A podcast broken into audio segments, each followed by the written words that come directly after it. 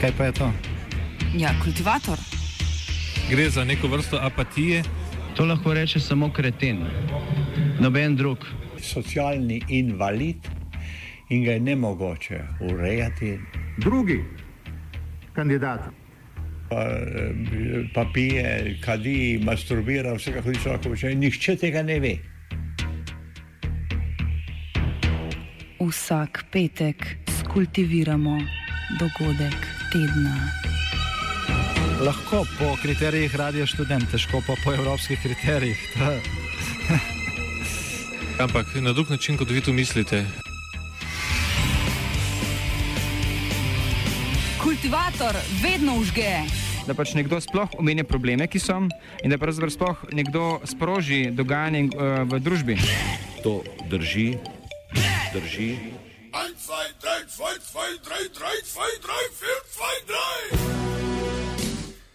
Deset dni po začetku stavke, ki je v Puli prerasla v širše proteste, so delavci ladjedelnic Uljanik in Reškega 3. maja dočakali zaostalo plačo. Dolgo pričakovano plačilo je začelo na račune zaposlenih v Uljaniku prihajati šele po 12. uri, zato so se delavci, vajeni neizpolnjenih obljub, predtem ponovno protestno odpravili pred Pulsko mestno oblast.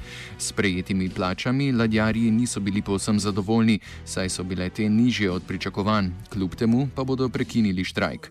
V ponedeljek se vračajo na delo, njihova borba za Uljanik pa se z drugimi sredstvi nadaljuje. Deni Širol, predstavnik štaba za obrambo ladjedelnice Uljanik. E, sa današnjim danom e, legli su nam e, plaće, država ispunila svoje obaveze i Uljanik također isto. E, čitam po razno raznim portalima i to da su plaće ljudima umanjene i meni je isto konkretno umanjena, samo još nismo dobili na uvid platne liste, tako da to će, to, za to čekamo ponedeljak.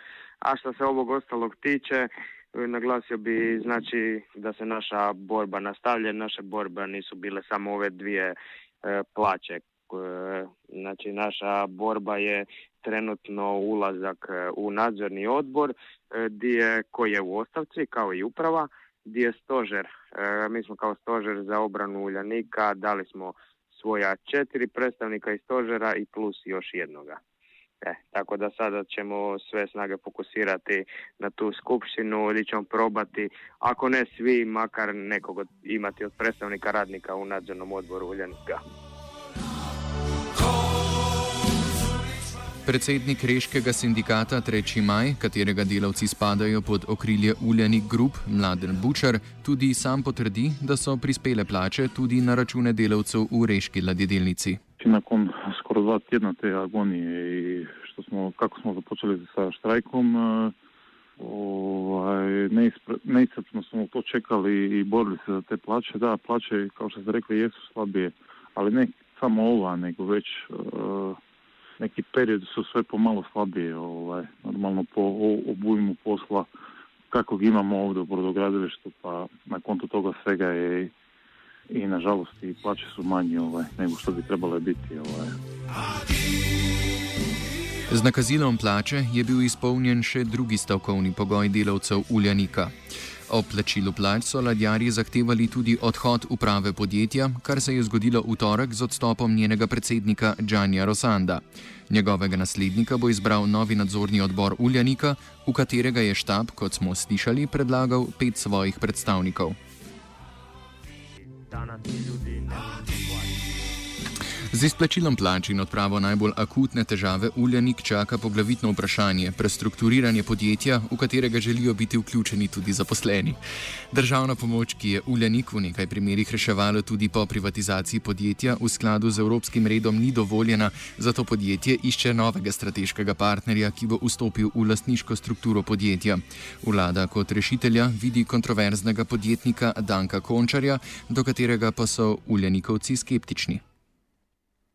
Neki njegovi e, prijašnji poslovi, e, sadašnji poslovi, gdje e, pri preuzimanju znači e, brodotrogira dan, danas mi ljudi štrajkaju.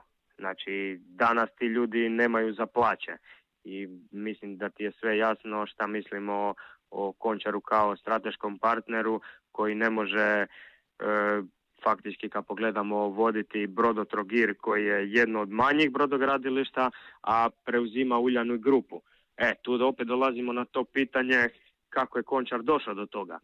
E, ne znam da li, da vam je poznato da Končar preko puta Uljanika je uzeo koncesiju znači e, Katarina i monumenti e, gdje se preko puta Uljanika hoće graditi znači marina, resorti i tako dalje i normalno da Uljanik kao Uljanik se u to sve ne uklapa jer sigurno da onaj turist koji E, se probudi i vezana mu je mega jahta, sigurno neće imati pogled na jedan uljanik i brod od 150 metara da mu je na, na navozu. Tako da to sve samo e, gluposti i igre ove lokalne politike, to jest IDS-a.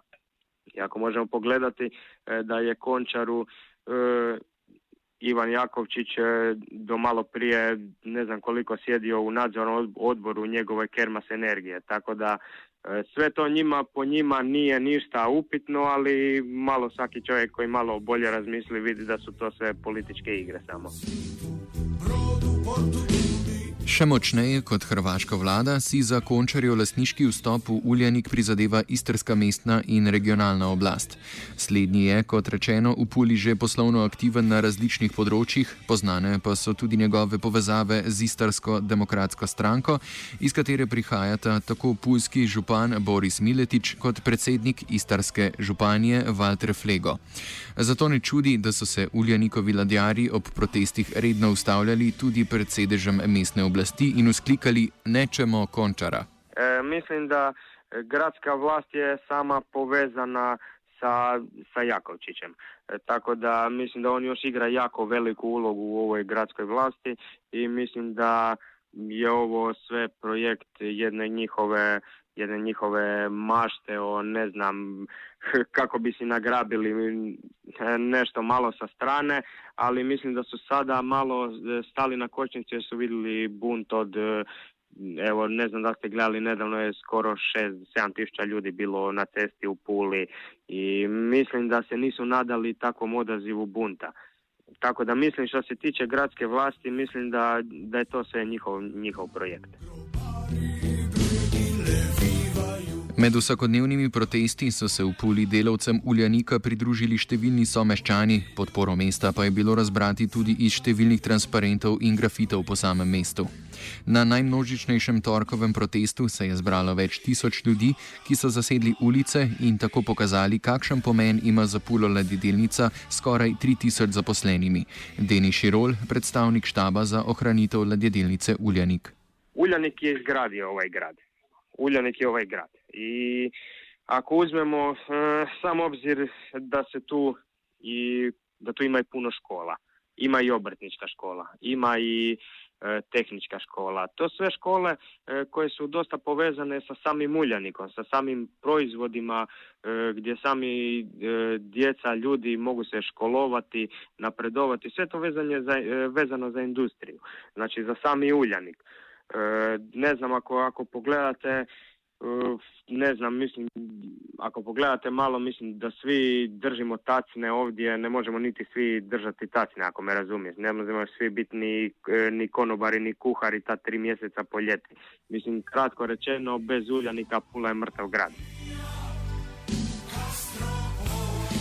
Igor Lasič, novinar Novosti, opiše Končarja kot idealnega partnerja lokalne in državne politike. Gre za človeka, ki je še v času Jugoslavije bil obsojen zaradi korupcije in odsedel devet let zaporne kazni.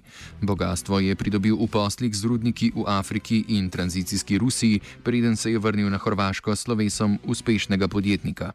Danko Končar je zapravo simbiotski prirodni partner. Uh... hrvatske politike, ekonomske politike i onako kako ona već funkcionira nekih četvrt stoljeća. E, on je taj čuveni investitor strateški koji, čiji se kapital čeka u svakom segmentu e, privrednog života Hrvatske kao spasonosan, kao rješenje, e, kao panaceja za sve probleme Hrvatske ekonomije. E, međutim, naravno e, da to nije tako. E, riječ je o lošem, o pogubnom izboru što se sad već može vidjeti na velikoj skali nakon toliko vremena kuda je odvela takva orijentacija. Nije, nije problem u Danku Končaru, iako ako promatramo njega i, i njegov, njegov subjektivni profil, naravno da možemo biti kritični i govoriti o, o manama te pojave, ali je problem u strategiji državne politike koja se okrenula prema isključivo uvozu industriji usluga prema, prema tome da se prepusti bankovni sektor stranim privatnim subjektima. Po mnenju Lasiča Končer vidi v ladjedelnicah poslovni potencial onkraj primarne dejavnosti. V njih med drugim vidi vrednost priobalnih zemljišč, na katerih stojijo. Končar je dosta eksplicitno istupio na, na više mjesta, na više načina s obzirom na svoje aspiracije nekretninske, turističko-poslovne i tako dalje. On želi i u Trogiru je već dijelom uspio, on želi i u Puli, koje brodogradilište je, je, je puno veće od Trogirskog, on želi iskoristiti dio nekretnina za širenje apartmana, marina i koliko ima veze sa brodogradnjom, eventualno remont velikih jahti. To je, to je dakle glavni dodirni moment Končara sa brodogradnjom. Time naravno bi pretrpjela osnovna djelatnost tih brodogradilišta, što nije tako bolno možda za brodo Trogir, jer tamo nema toliko radnika, tamo nema toliko pogona za, za velike brodove, ali za Uljanik bi bilo ono što ovdje narod kaže da bi sjahali sa konja na magarca. Istočasno kot v Puli in na reki je zavrelo tudi med delavci trogirske ladjedelnice Brodo Trogir, katere lastnik je ravno Končar. 20. augusta so tamkajšnji sindikati najavili, da bodo začeli stavko v roku petih dni, če ne pride do izplačil. Sindikati so opozorili, da ni prvič, da plača zamuja, vendarle pa tokrat do stavke ni prišlo. Vseh 800 zaposlenih je dobilo julijsko plačo, ta pa je nažalost zaposlenih nekoliko nižja, kot pojasni sindikalni zaupnik Andro Belas. Plače so legle na računu, mada radnici zapravo. Uh, nisu do kraja zadovoljni jer su te plaće umanjene. Od početka godine nam se umanjuje za jedan postotak stimulativnog dijela plaće. Uprava to pravda nelikvidnošću, odnosno neuspjevanjem naplate potraživanja prema onima kojima za koje smo obavljali poslove, to je ovaj ledolomac jel te, koji smo radili. E, mislim da nisu, bar tako oni kažu, uspjeli sve naplatiti, ostale su neka dugovanja, pa onda i mi nekim, e, to je sad lanac, dugujemo. Brodo Trogir se večkrat sooča z nelikvidnostjo. Kljub rešitvi zadnjega zapleta, Belas, in, Belas ni optimističen za prihodnost ladjedelništva v Trogirju.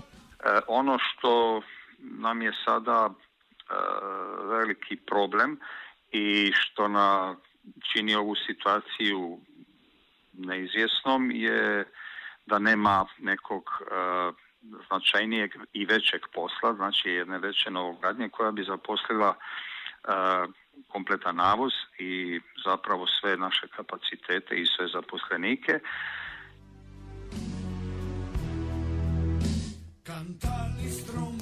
Podjetje Kermas Energija, podjetnika Danka Končarja, je lastnik Brodo Trogirja od leta 2013 dalje.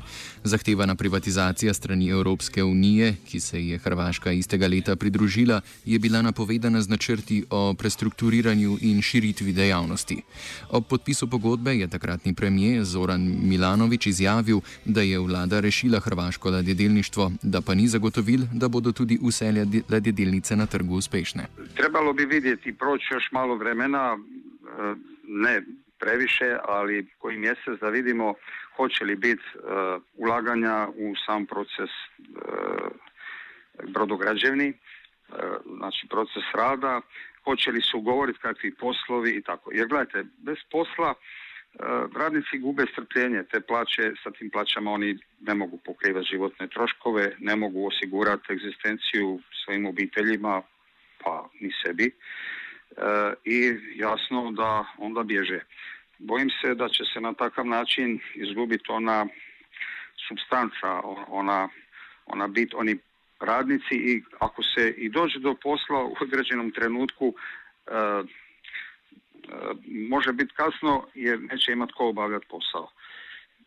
oni pravi i stručni ljudi, kažem, mogu raditi bilo gdje, jasno da bi volili raditi ovdje, u Trogiru, u Brodotrogiru, ali mnogi od njih odlaze trbuhom za kruhom, napuštaju i Brodotrogir i grad Trogir, evo, to je sudbina nas inače u Hrvatskoj i to je ono što je loše, to je ono što čini ovu situaciju neizvjesnom, a bojim se kad se na takvi način e, počnu rješavati stvari da će onda i sam e, vlasnik sada brodogradilišta reći evo ja sam pokušao ali nema ko raditi brodove pa ćemo mi okrenuti na turizam ili šta ja znam negdje gdje mu je možda malo isplativije. Ja?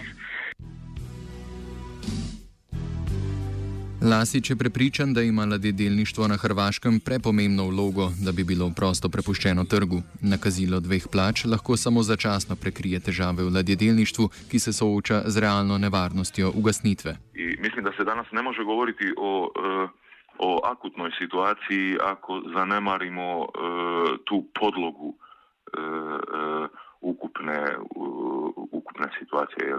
Ovaj, vodi, koja postavlja kontekst za sve ovo, e, jer ako ćemo sada govoriti samo o, o zadnjim knjigama narudžbi u tim brodogradilištima ili ako ćemo govoriti o isplati dvije zadnje plaće, nećemo, nećemo puno e, naučiti.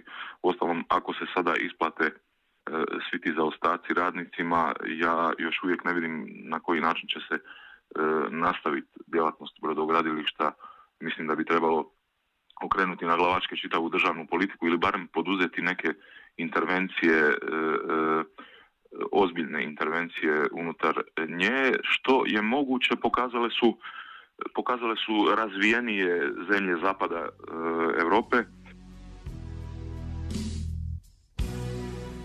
V primeru Uljanika je bila privatizacija izvedena na nekoliko specifičen način.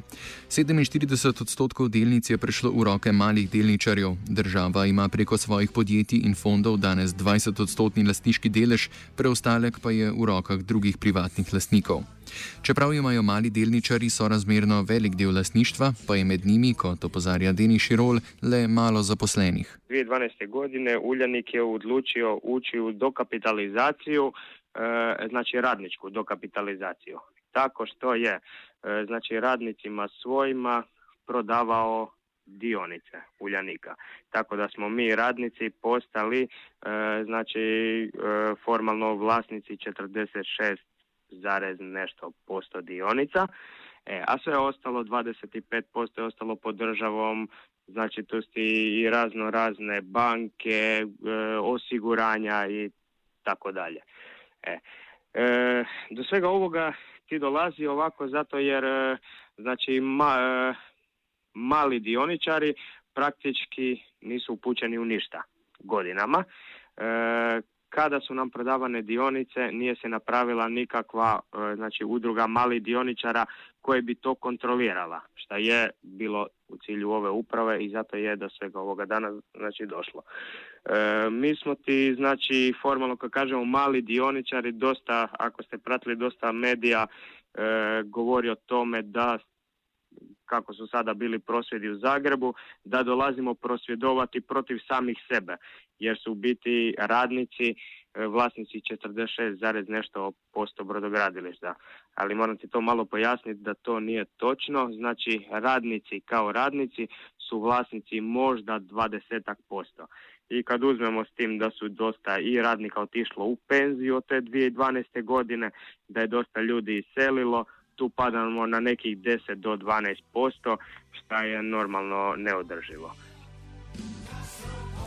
Nezadovoljstvo nad privatizacijskimi postopki izrazi tudi Bučar. Oni su rekli da EU nalaže smanjenje, e, smanjenje broja radnih mjesta, ali to je u konačnici, pazite, tako ispalo da najviše su ovi pogoni ovaj, to osjetili. Znači smanjivali su ovu proizvodan dio radnika je bio kao višak, a kako to funkcionira, znači kancelarije to, to je ostalo da li istim brojem ili su još povećavali. Jer, I onda kakav su efekat napravili? E, smanjiš e, broj radnika u pogonima, a povećaš kancelarije. Znači, omjer takav isti bio da na e, svakog šestog radnika je jedan šef, što isto mislimo da ne bi to niko, to ne može niko ovaj, ni izdržati ni financijski, ni, ni nikako, evo. Združitev Uljenika in 3. maja leta 2013 je bilo v sindikatih sprejeto s skepticizmom. Uljenik je 3. maj kupil za simbolično ceno ene kune, poslovna skupina pa je lani zabeležila 242 milijonov evrov izgube. Hvala se ta dobrogradilišta pri pet godina, pred dvije godine to je nekako funkcioniralo u nekakvom skladu, spojili su se neke Uh, ajmo reći, bile su radne jedinice i ovdje i tamo i, iste, onda su e, oni stavili u jednu radnu jedinicu, što je posle ovaj, mislilo se uštediti na tome da se manje ušteda papirove i to, ali s vremenom je pokazalo se da da nisu ti baš odnosi neki bili e, što se tiče rada i toga, znači počelo su e, počelo je sa velikim zakašnjenjem e, svih ovaj, projekata što i u Puli, tako i u Rijeci. Ovaj. I naravno što je evo danas izazvalo da mi e, nemamo u 3. maju niti materijala za izradu još nekih e, brodova, još dva broda uopće nismo započeli, a ti brodovi su već trebali biti gotovi evo, u ovom periodu. I normalno to nas to sad vuče u nekakav ponor i e, i propast evo samog brodogradilišta koji je ovdje u Rijeci traje već 113 godina, znači to brodogradilište preživjelo je dva svjetska rata, dva svjetska rata i domovinski rat i moramo se danas evo u mirnodopskim uvjetima boriti ovaj, za, za taj opstanak. V ponedeljek so sindikati proteste preselili v Zagreb, kjer so se tudi srečali s premijejem Andrejem Plenkovičem. Ta je stavkajočim obljubil, da bo vlada zagotovila garancije za izplačila julijske in avgustovske plače. Pa nas je vlada znači, primila gore bila na našo inicijativu i premijer sam i ministri su porazgovarali s nama ali nisam mogli u tom trenutku konkretno ovaj, nešto puno pomoći što se tiče cijelog brodogradilišta, nego oni su nam ponudili pomoć sad u davanju ovih e, dvije plaća, znači što će reći sad ova tu što je kasnila i za sljedeću. A po pitanju što treba kupiti materijal da bi se opet započela ta proizvodnja, da brodogradilište opstane, tu nismo dobili sad nikakve konkretne odgovore, niti zajamčene neke pomoći ovaj, tako da normalno mm, nastavak slijedi toga svih tih pregovora, traženja pomoći što nama treba evo da brodogradilište i radnici o, tu bi ostali. Ali evo reći ću vam isto je podatak znači da nam je samo ova dva tjedna 50 radnika otišlo iz proizvodnog dijela, što bravara, pjevara, zavarivača. Znači ono što, što rađa brod ovdje u, u brodogradilištu 3. maja. Znači ljudi nam odlaze neminovno, Evo, ja. I to je ona najveća šteta i da dođe sad materijal i sve. E, pitanje je da li možemo napraviti sve te poslove sa ovolikim brojem ljudi. Mladen Bučar iz sindikata 3. maj opozarja, da je že, bliži, ne, da je že bližnja prihodnost ladjedelnic v Puli in na reki nejasna, kaj šele da bi ugibal, kaj bo z njimi čez pet let. Nije to sa pitanje više godinu dana, to je pitanje može kroz dva, tri mjeseca šta će se srediti. Ako materijal ne dođe, ako ne započne proizvodnja broda kojeg treba, mislim da možemo i ono, moglo bi se desiti i ono najgore. Ovaj. Znači bez tog materijala proizvodnja se ne može započeti. Imamo ove još dvije gradnje tu koje stoje, nisu dovršene, ali Ovaj, mislim da sa ovakvim tempom i, i bez materijala proizvođač ne može opstati idući godinu dana, nema šanse. Ovaj. Za razliko od Uljanika, ki ima zelo atraktivno lokacijo za potencijalne turistične vlagatelje, Bučar meni, da zemljišče, na katerem stoji 3. maj, ni motiv za vlagatelje v reško ladjedelništvo. Rijeka možda nije toliko atraktivna za sad, uh, Pula je po tom pitanju puno atraktivnija. Ovaj. Tako da mislim da mi nemamo možda, niko ne pikira toliko da bi tu radio za sada nekakve hotele, uh, apartmane ili nekakve marine. Pula više, Pulsko brodogradilište više odgovara tom modelu. Uh, sad kako će se oni uspjeti ovaj, od toga svega, oko toga svega dogovoriti ne znam. Ovaj, normalno strateški ulagač ako nešto ulaže on i traži ovaj, šta će tamo biti. Jel, tako. Ali mislim da oba dva brodogradilišta, mislim kao sami radnici zagovaraju i načelno da ostanu ta brodograd, brodogradnja. Da li će sad opstati taj novi strateški ulagači ako dođu šta će ovdje prezentirati, to se mora evo još, još vidjeti. Ovaj. Ali na, nama svakako uh, ostaje što se tiče u Rijeci pa i u Puli, mi bi htjeli da radnicima da ostane ta brodogradnja koja zajedno, evo, rekao sam 3. maj 113 godina postoji, uh, Pula postoji, u Puli postoji skoro 150 godina to brodogradilište. Zadnjo besedo kultivatorja puščamo novinarju novosti Igorju Lasiču, ki opaža, da v času, ko je šlo še za državna podjetja, ni bilo toliko vneme za reševanje, kot ga vidi danes. Dok su bili državna brodogradilišta, nitko se nije zalagao da, da država nastavi intervenirati, da nastavi regulirati sektor. Tek sad su primijetili, što se tiče javnog njihovog diskursa, da se u Europi, na zapadu Europe, tako ponašaju vlade od nedavno, iako su se ponašale drugčije na prelazu stoljeća, ali sad je izgleda vrijeme da se kod nas ovaj počnu zalagati nakon što je država izašla iz vlasništva u brodogradilištima, pa tako i IDS-ovci postupaju u skladu sa svojim partikularnim interesima, ne javnim kao što predstavljaju.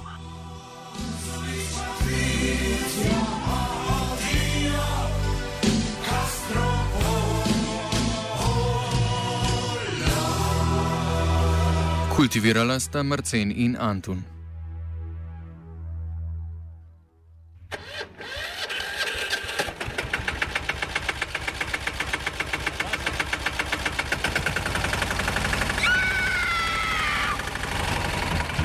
E, kaj pa je to? Ja, kultivator. Gre za neko vrsto apatije. To lahko reče samo kreten, noben drug. Socialni invalid in ga je nemogoče urejati. Drugi kandidat. Pa, pa pije, kadi, masturbira, vse kako ti človek počne. Nihče tega ne ve. Vsak petek skultiviramo dogodek tedna. Lahko po kriterijih radio študent, težko pa po evropskih kriterijih. Ampak na drug način, kot vi tu mislite. Kultivator vedno užge. Da pač nekdo sploh omenja probleme, ki so, in da pravzaprav sploh nekdo sproži dogajanje uh, v družbi. To drži, drži. Radio študent.